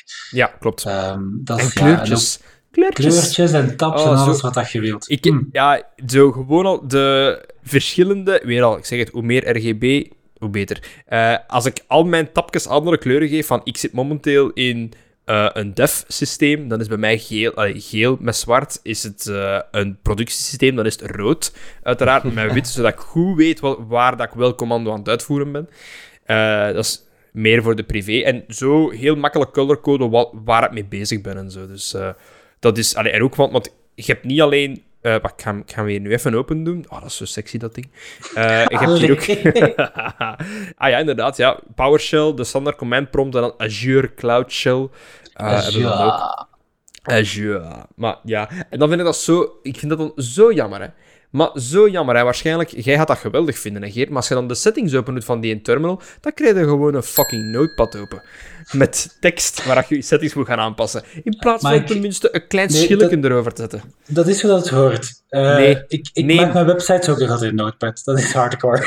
Oh my god, jongens, alsjeblieft. Dat verklaart trouwens de, de zinvolle zever website. Dat is gewoon een table. ik, denk, ik denk zelfs dat ik een, een center tag heb oh gebruikt. Oh my god, jongens. Meppen moet je krijgen. Ah. Nee, uh, misschien wel een kleine tip daarin. Je kunt ook gewoon in plaats van Notepad VS Code gebruiken. En uiteraard als default, ja. maar je kunt die ook als default gebruiken. Dus het is zelfs zo, als jij in je terminal code intypt en je hebt dat zo geconfigureerd, dan springt VS Code op. Ja, natuurlijk. Ja, ja. Um, en ja, uiteraard, uiteraard wilt jij je config doen via een JSON of wat dan ook. Um, dat is veel beter ja, dan een fucking dus, ja. GUI shield de schil daarover. Wie doet dat? Maar ik, ik, ben, ik, ik ben fan van. Um, ik denk hoe dat ze het in. En va, vandaar dat VS Code nog altijd mijn favoriete editor is voor, voor heel wat staken. Voor PHP vind ik het nog iets te veel geklooi. Ik zou moeten modussen hebben waarin dat kan switchen. Want zo uh, extensies aan en afzetten voor verschillende talen dat vind ik nog altijd irritant. Ik zou willen kunnen VS Code zeggen, ga nu in PHP-modus en zet al mijn settings goed in PHP-modus. Waarschijnlijk zit er nu gewoon ene persoon thuis die zegt, maar Mike, je kunt dat doen. Ja, oké, maar dan ben ik te, dan ben ik te lui om, om, om dat te switchen. Maar ehm, ik ging een punt maken. Ja, de settings in VS Code. Die heeft een hele handige, geopend die settings, oké, dat is een goeie, maar dat heeft een hele simpele search bovenaan. Ik tik in color scheme, bam, alles, al die settings worden live voor je neus gefilterd en die toont u enkel de settings met color scheme. En ik wil zo makkelijk in settings kunnen zoeken. Want, oh, ik, allee, ik, ik, jij hebt ook al PHP-servers opgezet, Geert die, die, die, die PHP-config voor die documentroute ver, veranderen en wat is het allemaal in dingen. Dat moet gewoon searchbaar zijn. En ik, ik wil dat niet open doen in een waar, waarin dat moet gaan scrollen. Dat is inderdaad wat vervelend. Dat is mijn punt. Je moet ook weten dat mijn reflex om in Windows te werken, en dan ben ik het niet bij, bij jullie. Ik zou eigenlijk een screenshot willen van een bureaublad nee. Gewoon uit nieuwsgierigheid. Mijn bureaublad, er staan, er staan nog twee of drie icoontjes over dat ik nog niet opgekuist heb. Ik heb toevallig Red Dead Redemption geïnstalleerd en Hades. Uh, en dat is zo wat. Maar voor de rest heb ik eigenlijk... zat er niks op. Dat is gewoon voor degenen die, die al uh, mij zien switchen hebben live tijdens een les. Die gaan zien, daar staat een hele mooie screenshot, screensaver op. Uh, of een uh, wallpaper, sorry. Van Ellie van The Last of Us. En dat is het ook. En al mijn icoontjes onderaan staan op mijn startbalk. En als ik iets nodig heb, ik druk op mijn Windows-toets. Ik geef mijn drie letters dat ik weet voor welk programma dat ik ga open doen. Ik druk op enter en zo lanceer ik alles. Ik ga geen menus, ik klik niet. Dat is meestal met keyboard. Dus ik vraag me gewoon af, hoe lanceerde jij applicaties? Want ik denk ook, Geert, met dat jij in heel veel verschillende zaken zit, dat je heel vaak veel verschillende zaken open moet hebben. Ja, alles keyboard. Mijn muis zo weinig mogelijk. Um, ik, ik, heb er plezier aan van die niet te gebruiken. Ja, oké, ja, ja. En jij, Wim? Idem, ja. Als ik iets nodig heb, start met u en, en beginnen typen. Maar wat ik wel moet zeggen, mijn bureaublad is wel vaak een, een weerspiegeling van mijn geest zijnde een, een robbeltje. Mijn, mijn fysiek bureaublad, mijn bureau hier ook, is ook vol met rommel en kabels en, en boeken en notities en zo. Um, ja, mijn, mijn virtueel bureau, wat is dat ook? Heel vaak ook gewoon allemaal test-export van, de van de podcast of zo. Temporary files gaan we allemaal opstaan. Inderdaad, temporary files. Um, voorbeeldoplossingen die dan nog rondslingeren van tijdens demos in de les en zo. Um, ik, en om de zoveel tijd kuis ik het dan allemaal eens op. En dan is dat, laten we zeggen, een dag, misschien ja, tien uur. Mm -hmm. zal realistisch clean. En dan begint dat weer zo op te vullen met... Uh, nee, het is, het is inderdaad van gewoon temporary zaken opslagen en zo. Maar ik ben heel secuur van, van mijn bureau durft er wel al eens... Ik, ik kan daar soms genoegen mee nemen. Van, ge, nee, genoegen. Ik kan daar heel van genieten in mijn, in mijn mancave. Ik zet een muzieksknop. Ik zet een koptelefoon op, ofwel nu met mijn nieuwe speakers kan ik dat lekker luid laten gaan. En dan alles opruimen. En zo tot de, de centimeters van uw muismat goed leggen, zodat alles gealigneerd is met uw bureau en zo. En ik kan alles in perfecte orde leggen. Dan blijft dat redelijk lang goed. Tot als ik nieuwe hardware of zoiets krijg. En dan moet de kabel verstoken worden. En dan blijft die na de kabel liggen. En dan daar nog... Ik was onlangs les aan het geven voor digital teaching. En ik was bezig over UTP-kabels. En ik zag een aantal mensen in Teams gewoon hun ogen fronsen. En ik... Wacht! Ik heb hier een kabelje. En ik draai me achterop. En in, in mijn doos... Grabbel, grabbel, grabbel, grabbel. En ik zeg hier is de kabel. dat is de UTP-kabel. En dan, ja, hardware. Ik heb hier mijn, al, al, al mijn hardware staat hier achter mij. Ik kan hier één van, van het schap nemen en ik kan ermee beginnen werken. Ik had een webcam nodig, ik heb een webcam gepakt. Allee, ja, vind dat zo leuk om alles zo heel proper te doen. En ik wacht nog op één stukje hardware. En dan is mijn droomsetup voor studio en uh, podcasting en whatever allemaal zo goed als klaar. En dan ga ik proberen voor de minimalistische no-cable setup te gaan. En ik, dus effectief met zip ties en zo ga ik alles vast timmeren zo goed als aan een bureau. Ah. Ja, nee, ik, ik, ik wil dat... Mike, je zet mijn vader. Oei, oei. I am your father. Heren, dit wordt wel wat creepy, eerlijk gezegd. Ja, nee, maar ik, ik, ik, ben, ik ben heel... Van vroeger was het hoe groter, hoe beter. En inderdaad, hoe meer lichtjes, hoe beter. Dat was het vooral vroeger. Uh, maar nu ben ik veel meer fan van de minimalistische setup. Mijn case is heel sober, vierkant, zonder weinig toeters en bellen. Heerlijk wit. Uh, zonder enige sticker of aanmerking op. Er zit een window in, maar dat is, ja, ik vind altijd wel leuk om uh, te, te zien. Ik zie, als, als, als mijn fans dat niet draaien, dan merken dat ook direct. Dat is ook wel grappig. Maar ja, minimalistisch, weinig kabels. En ik heb momenteel zoveel externe toestellen. Er moet iets aan gedaan worden, want die liggen veel te veel kabels. En bij u, Geert? Hoe, hoe ziet uw bureau eruit? Uh, chaos, ja, eigenlijk. Ah, ik... toch een verwante ziel. ja. Ik, ik, denk dat ik helemaal op het traject van Wim zit. Ik doe mijn best en ik apprecieer het ook wel als het proper ligt. En dat duurt dan een paar uur. Dan is dat weer vertrokken, ja. Dat duurt echt ah, lang. proper. Ik ga nu mijn stek aan mijn bureau eten. Ah. dat, dat, dat, ik kan dat niet lang volhouden. Nee, ik moet wel ter mijner verdediging... Wij zijn nog niet zo lang geleden verhuisd. En het is nog niet zoals ik het wil. De, een van de dingen die ik nog zou willen veranderen, is een nieuw bureau met daarin uh, laden en, en dat soort dingen. En aangezien ik die niet heb, uh, ben ik natuurlijk, ja, moet ik soms wel, wel rommel laten liggen. Snap ik perfect. Van, daarmee dat ik ook zeg van elke persoon en voor, voor alle studenten momenteel. Iedereen heeft voor zijn hobby een mancave of een nerdcave. Laten we het even een nerdcave noemen, waarin dat je al je spullen en zo kwijt kunt. En ik heb zo dat compromis gemaakt met mijn vrouw. Jij krijgt alle andere kamers, je mag de kleuren bepalen, je mag kiezen waar wat staat. Maar in deze kamer ben ik de baas. En ik bepaal waar wat komt. En ik, ik heb al drie keer veranderd, tot haar grote frustratie. Zeg jij nu weer die in bureau aan het verhuizen? Ja, maar het staat niet goed en zo heb ik meer real estate en dan heb ik meer een open ruimte. En voor mijn gitaar kan dan daar. Dus hierin staan mijn boardgames, hierin staat mijn muziekapparatuur, hierin staat mijn uh, ja, werkruimte, gameruimte, podcaststudio. Uh, en allerlei. Ik heb nog een hele bureauruimte voor wat ik nog wilde plannen mee heb. Voor een camera, voor, voor productreviews, whatever allemaal alles staat nu momenteel wat goed, maar het is nu nog wat, nog wat dichttimmeren. En dan heb je je perfecte setup waar dan niemand aankomt. En ik zeg dat met heel veel hoop dat mijn zoon en dochter effectief uit deze kamer gaan uitblijven als ze oud genoeg zijn. Maar ik heb een vermoeden dat vanaf dat mijn zoon zegt van papa, mag ik ook een pc? Dat ik gewoon blij ga zeggen, ja jongen, we gaan een pc maken. En je mag hem naast mij zetten. We gaan het samen ineen steken. en we gaan het filmen en op YouTube plaatsen. Ja. Ah, ik, ja, maar ik, allez, om eerlijk te zijn, ik kijk daar echt wel naar uit. Oh, ik, ik, oh, ik, ga, ik ga zo blij zijn als, als zegt mijn dochter, ik wil in, instrument X spelen. Piano of gitaar, maakt mij niet uit. Dat zeg jij waarom niet andersom, Mike? Je zegt mijn zoon een pc en mijn dochter uh, een muziekinstrument. Waarom niet andersom? Dat, oh, dat maakt, maakt mij niet uit, omdat omdat mijn dochter nu eigenlijk al aanleg toont, of veel meer interesse toont in muziekinstrumenten. Het is puur omdat we dat in, in... Als ze piano's ziet, dan direct daarop. En mijn zoon, op een of andere manier, heeft hem altijd PlayStation-bakjes in zijn mond. Dus kijk, weet die, die, natuur, die, die, die natuurlijke aanleg is daar al eigenlijk. Bijna juist. maar nee, de, mijn, mijn dochter speelde uh, en toe... Die komt zo op, op mijn schoot zitten als ik ze even moet entertainen. En dan... Uh, druk zij op de springknop van een, een of ander spelletje dat ik gewoon rustig aan het spelen ben. Dan vindt ze dat kei tof dat ze kan springen en ziet daar die reactie. Nee, maar ik denk dat dat heel cool gaat zijn als die gaan vragen van...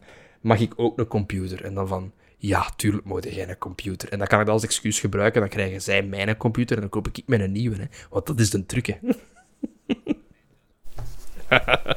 Het spijtige aan podcasts is dat de luisteraars het beeld niet hebben dat wij wel hebben, maar Mike zit nu met tranen in zijn ogen dit verhaal te vertellen.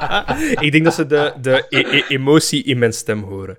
Dit is de, de eerste avond in maanden? Ik ga even moeten denken. het zal effectief heel lang geweest zijn. Mijn, mijn beide kinderen zijn effectief van huis vandaag ik heb effectief een keer een rustige avond. en mijn vrouw zei, oké, de kinderen zijn van huis en in plaats van een romantische avond ga jij een podcast opnemen met twee nerds. Oké. Maar ik, ik heb het vorige week echt, echt gemist. Met, met dat eh, dus ik had er helemaal aan het begin gezegd, we, we hebben vorige week niet opgenomen vanwege ook uh, persoonlijke redenen, planningsproblemen. Uh, het was effectief ook vakantie, het was, was herfstvakantie. Niet, niet, dat, niet dat we er veel van gezien hebben, vanwege bepaalde zaken. Maar kijk, we zijn er terug we're back, coming strong. En ik voel nu al dat, dat, dat deze, Geert, ik voel nu al dat deze een topper wordt. Dus als je ooit voorbij aflevering 2 geraakt, waar je nu zit, dan kun je effectief... Ah, nee, nee, nee, nee, vier intussen. Hola, vier al. Nee, nee, vijf, sorry, vijf, ja, ja. Ik ben traag, ik ben nee, nee, nee, nee, maar dat is normaal. Maar... Voor, voor de duidelijkheid, we hebben niet zomaar vakantie genomen, hè. Het is, nee, nee, nee, nee, nee, Soms zijn er gewoon zaken in een mensenleven die voorrang hebben op uh, hobby's en werk. Ja, ja, ja, nee, klopt. Zoals ik al zei, er waren een aantal privézaken, zowel heel toevallig aan uw en aan mijn kant, die eigenlijk verhinderde dat we konden opnemen.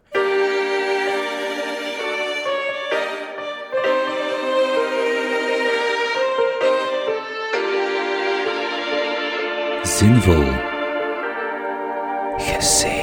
We zijn nu het laatste stuk gekomen van de show. En met dat je al tot episode 5 zit geraakt, of 4 of 5 ergens, dan weet je dat we, dat we nu eigenlijk proberen zo'n beetje de pieren uit je neus te gaan halen. En eigenlijk zo de man achter de leerkracht te gaan proberen te pakken te krijgen. Maar daar zit niks achter. Allee, Geert, dat kan u toch niet? Dat kan u toch niet?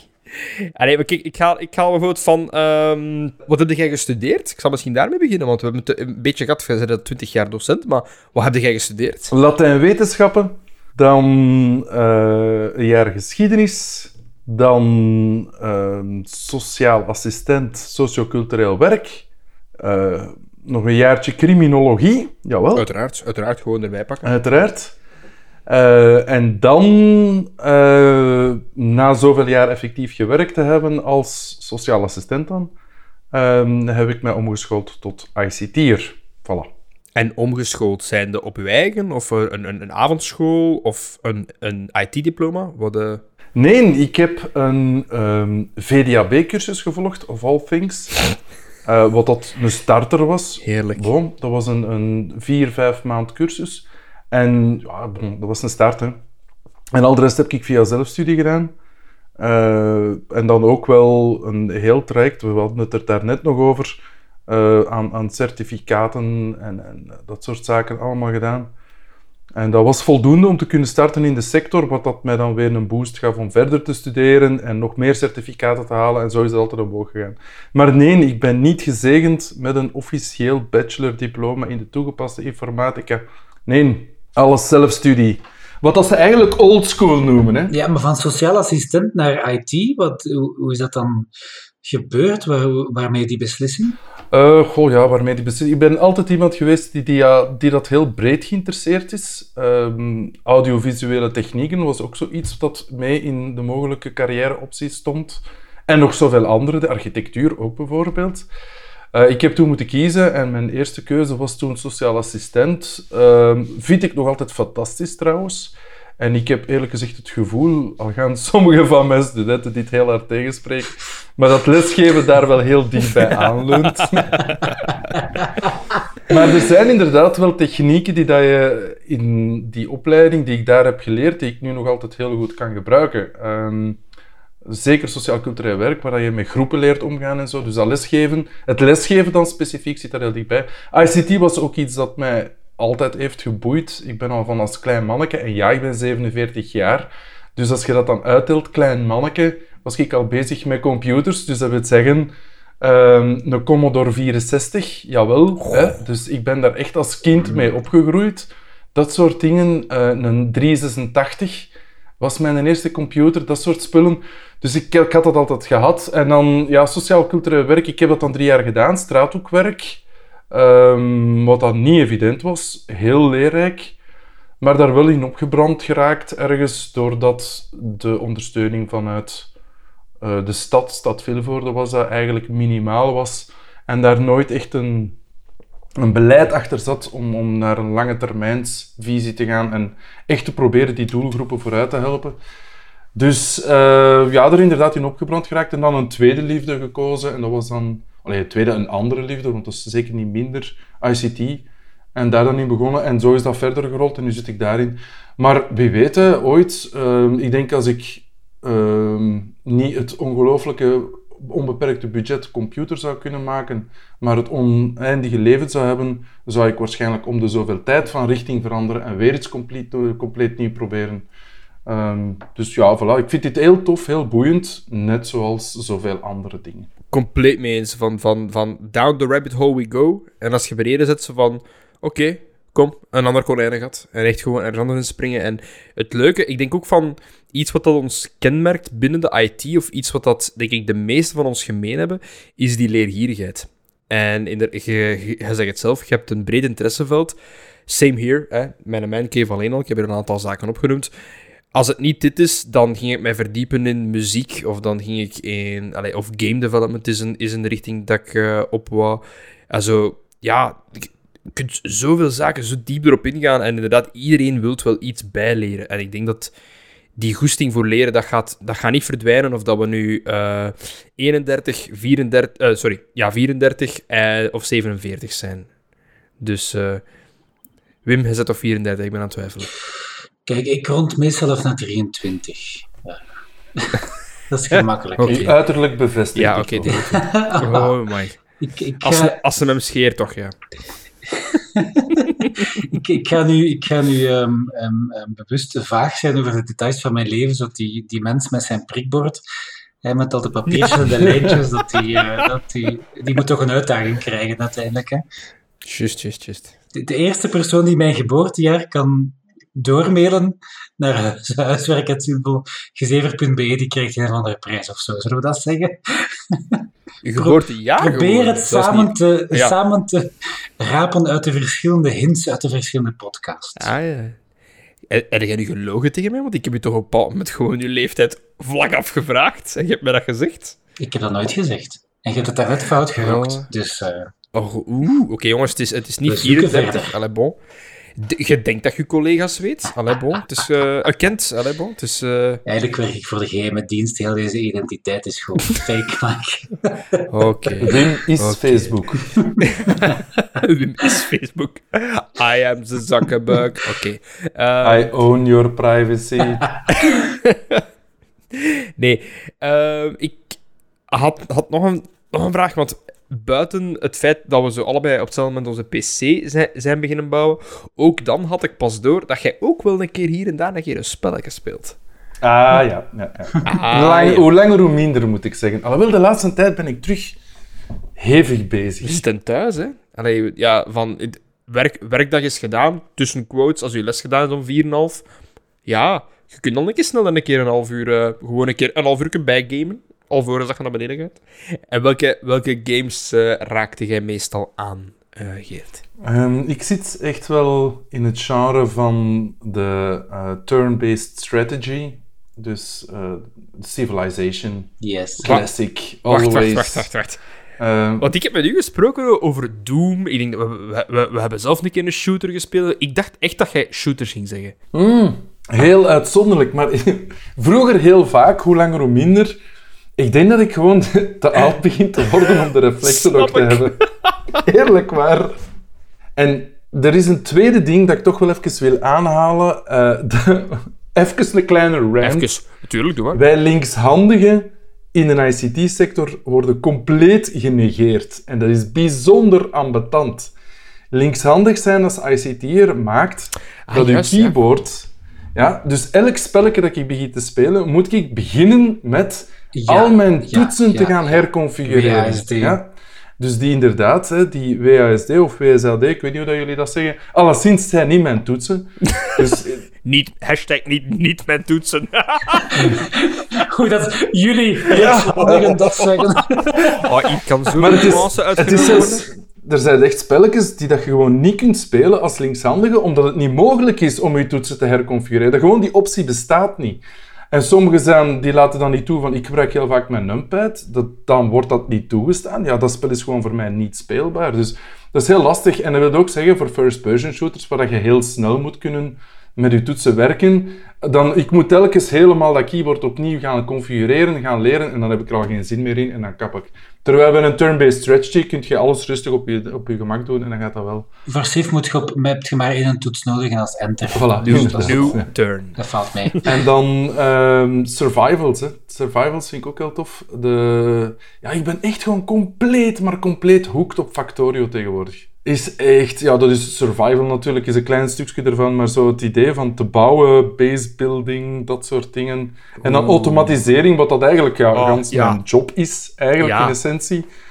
Eh, dat is Factorio. Ik wil dat niet installeren, want ik weet dat ik daar te veel tijd aan ga spenderen. Dus het is een ramp. Het is een ramp. Het idee dat je je basis kunt bouwen en daar dan een blueprint kunt van maken en dan die blueprint kunt beginnen gebruiken om je basis automatisch te laten bouwen. Je kunt je automatisering automatiseren en die dan nog eens gaan automatiseren. Ja, dat is koude rillingen, hè. Dat is... My god. Ken, kent je Satisfactory? Ik heb het al een keer doorgegeven, denk ik, aan u. Ja, ik, heb, eh, ik ken het, maar ik heb het nog niet gespeeld. Ik denk dat, dat we een keer... Ik, ik heb een keer zin... Ik, eh, mijn vrouw gaat me weer om slagen, maar ik wil een keer content effectief maken, gewoon van... Dat we een keer met een aantal IT'ers een spel spelen in co-op. à la Factorio of Satisfactory. En gewoon onze redenering. Ik denk dat dat heel boeiend moet zijn om een buitenstaander om ons te horen redeneren hoe dat wij een fabriek opstellen. dat moet super boeiend zijn, denk ik. En ruzie dat er gaat Een ruzie. Wat? Sowieso.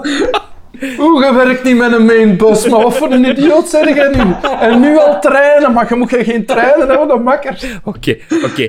We gaan dat regelen. Ik denk, ehm, stuurt naar huiswerk.zinvolgezever.be om te laten weten welk spel dat je graag ons een keer zou zien spelen. Ik denk, dat geeft voor ons een keer de, de welverdiende rust dat, dat, dat we een keer, eh, echt een keer een spel spelen, een keer een tijd uitcarven uit ons schema voor een keer bewust een keer met een paar maten een spel te spelen. Hè, want achterliggend collega's, maten, hè, uiteraard. Ik denk, als er vraag is van studenten, kunnen we dat wel keer doen. En misschien kunnen we er hier en daar nog interessante, hoe moet ik het zeggen, also, lessen in verschuilen. En zo van, een mainbus, allemaal dat is hetzelfde gelijk je RAM naar je CPU, of whatever dat je dan gaat zeggen. Dat, dat, Ja, dat is het. Hè. Factorio is eigenlijk, ook als je er gewoon op uitzoomt, dat is gewoon een CPU. Hè.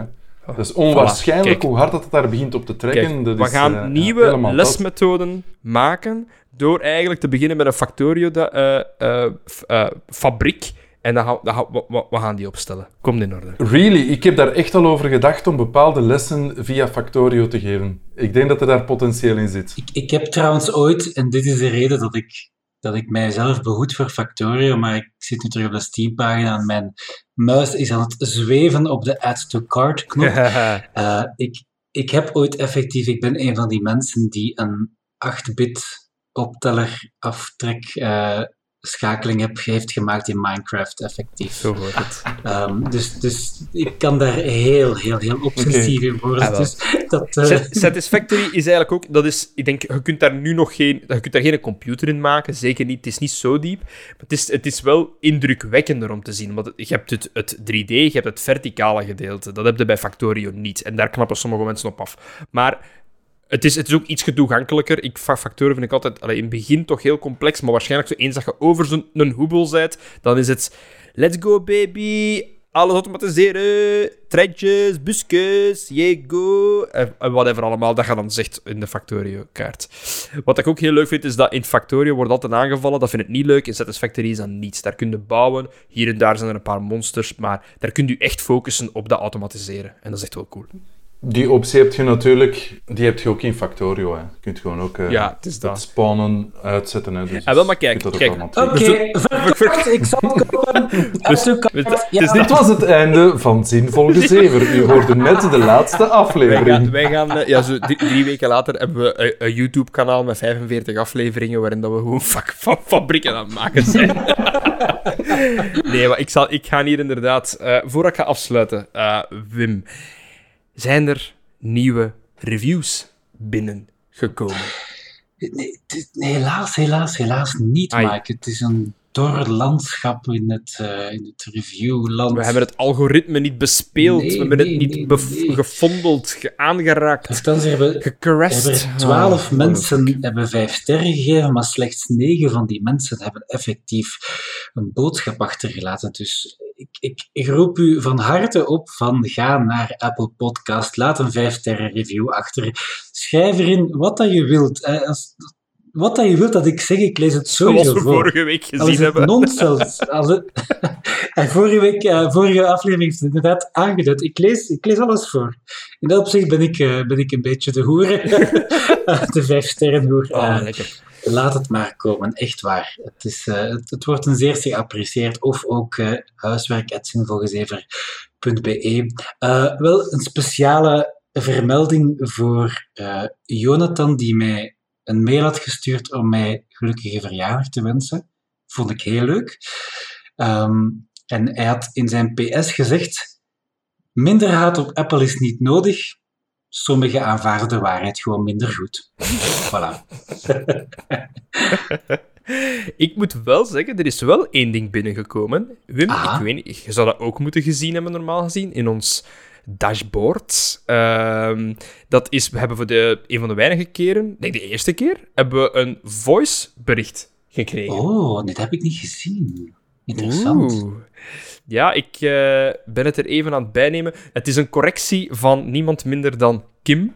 mijn zus, die eh, even kwam corrigeren eh, welke dag vuil Jeannette-dag was en welke dag lege portemonnee-dag was, als we het over Aals carnaval hadden. Ja, maar dat zijn twee verschillende dingen, niet? Ja, inderdaad. Dus zij, zij corrigeert dat geweldig. En ze heeft er een paar lieve woorden gezegd dat ik even moest een keer... Ik, ik moest eens slikken. Ik vond dat wel... Ik vond, ik vond dat heel leuk om te zien. Want het wordt dus niet alleen door...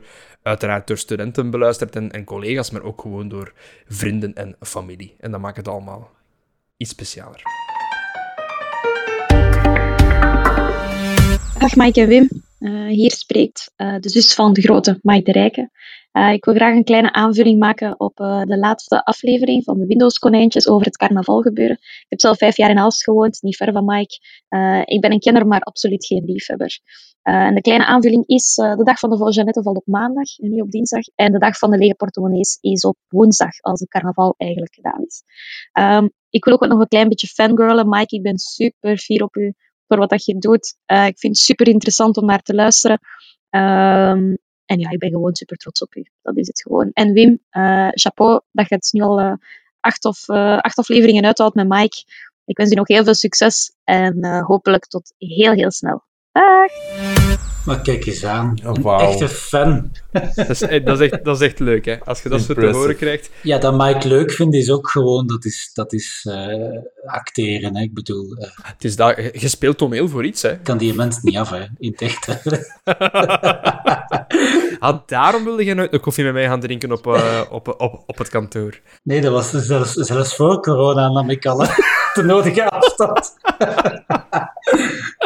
Dus nee, maar dank- Kim, heel erg bedankt. Dat is, eh, dat is heel tof. Ja, dat is echt heel leuk om te doen. Dus bij, bij, bij deze wereld, als je een boodschap achterlaat en het is safe for work, als, als het niet te ranzig is, laat, eh, knallen we het er gewoon op het einde bij en Yes. kunnen we er ook nog op reageren. Dus nogmaals, dank u wel.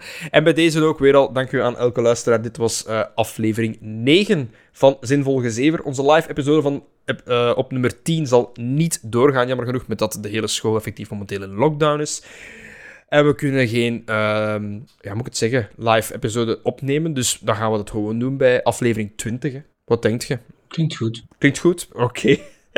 Eh, Geert, dank u wel voor mee te komen zeveren. Ik hoop dat je er toch een beetje van genoten hebt. Ja, het was veel goed mee. Viel heel goed mee. Heel goed mee. Podcast gedaan. Hé jongens, het is nooit. Nee, nee, het was plezant. Het was plezant. Dank u voor uw inzicht. Dank, dank u voor uw mini-lesjes over eh, bepaalde topics waar dat wij dan weer mi- min- minder over wisten. En ik zou zeggen aan iedereen, dank u voor het luisteren. Sorry dat we vorige week er niet waren. Maar kijk, we're back. And we're back with a vengeance. Tot het volgende gezin. Tot gezever. Salut!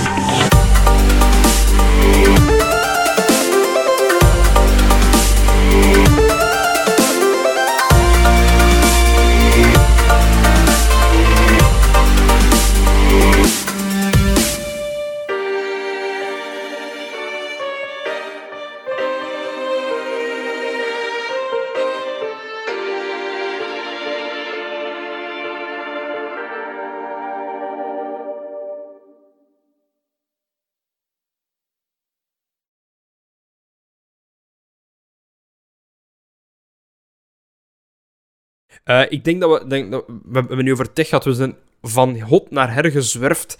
Eh, ik denk dat we nu even over de meer intieme zaken kunnen gaan praten. Ja, zoals de tijd om even te pauzeren en een pintje te gaan halen. Super idee. Goed, want ik, ging- ik ging juist... Zinvol. Oké, give me a sec. Ja, doe maar op je gemak.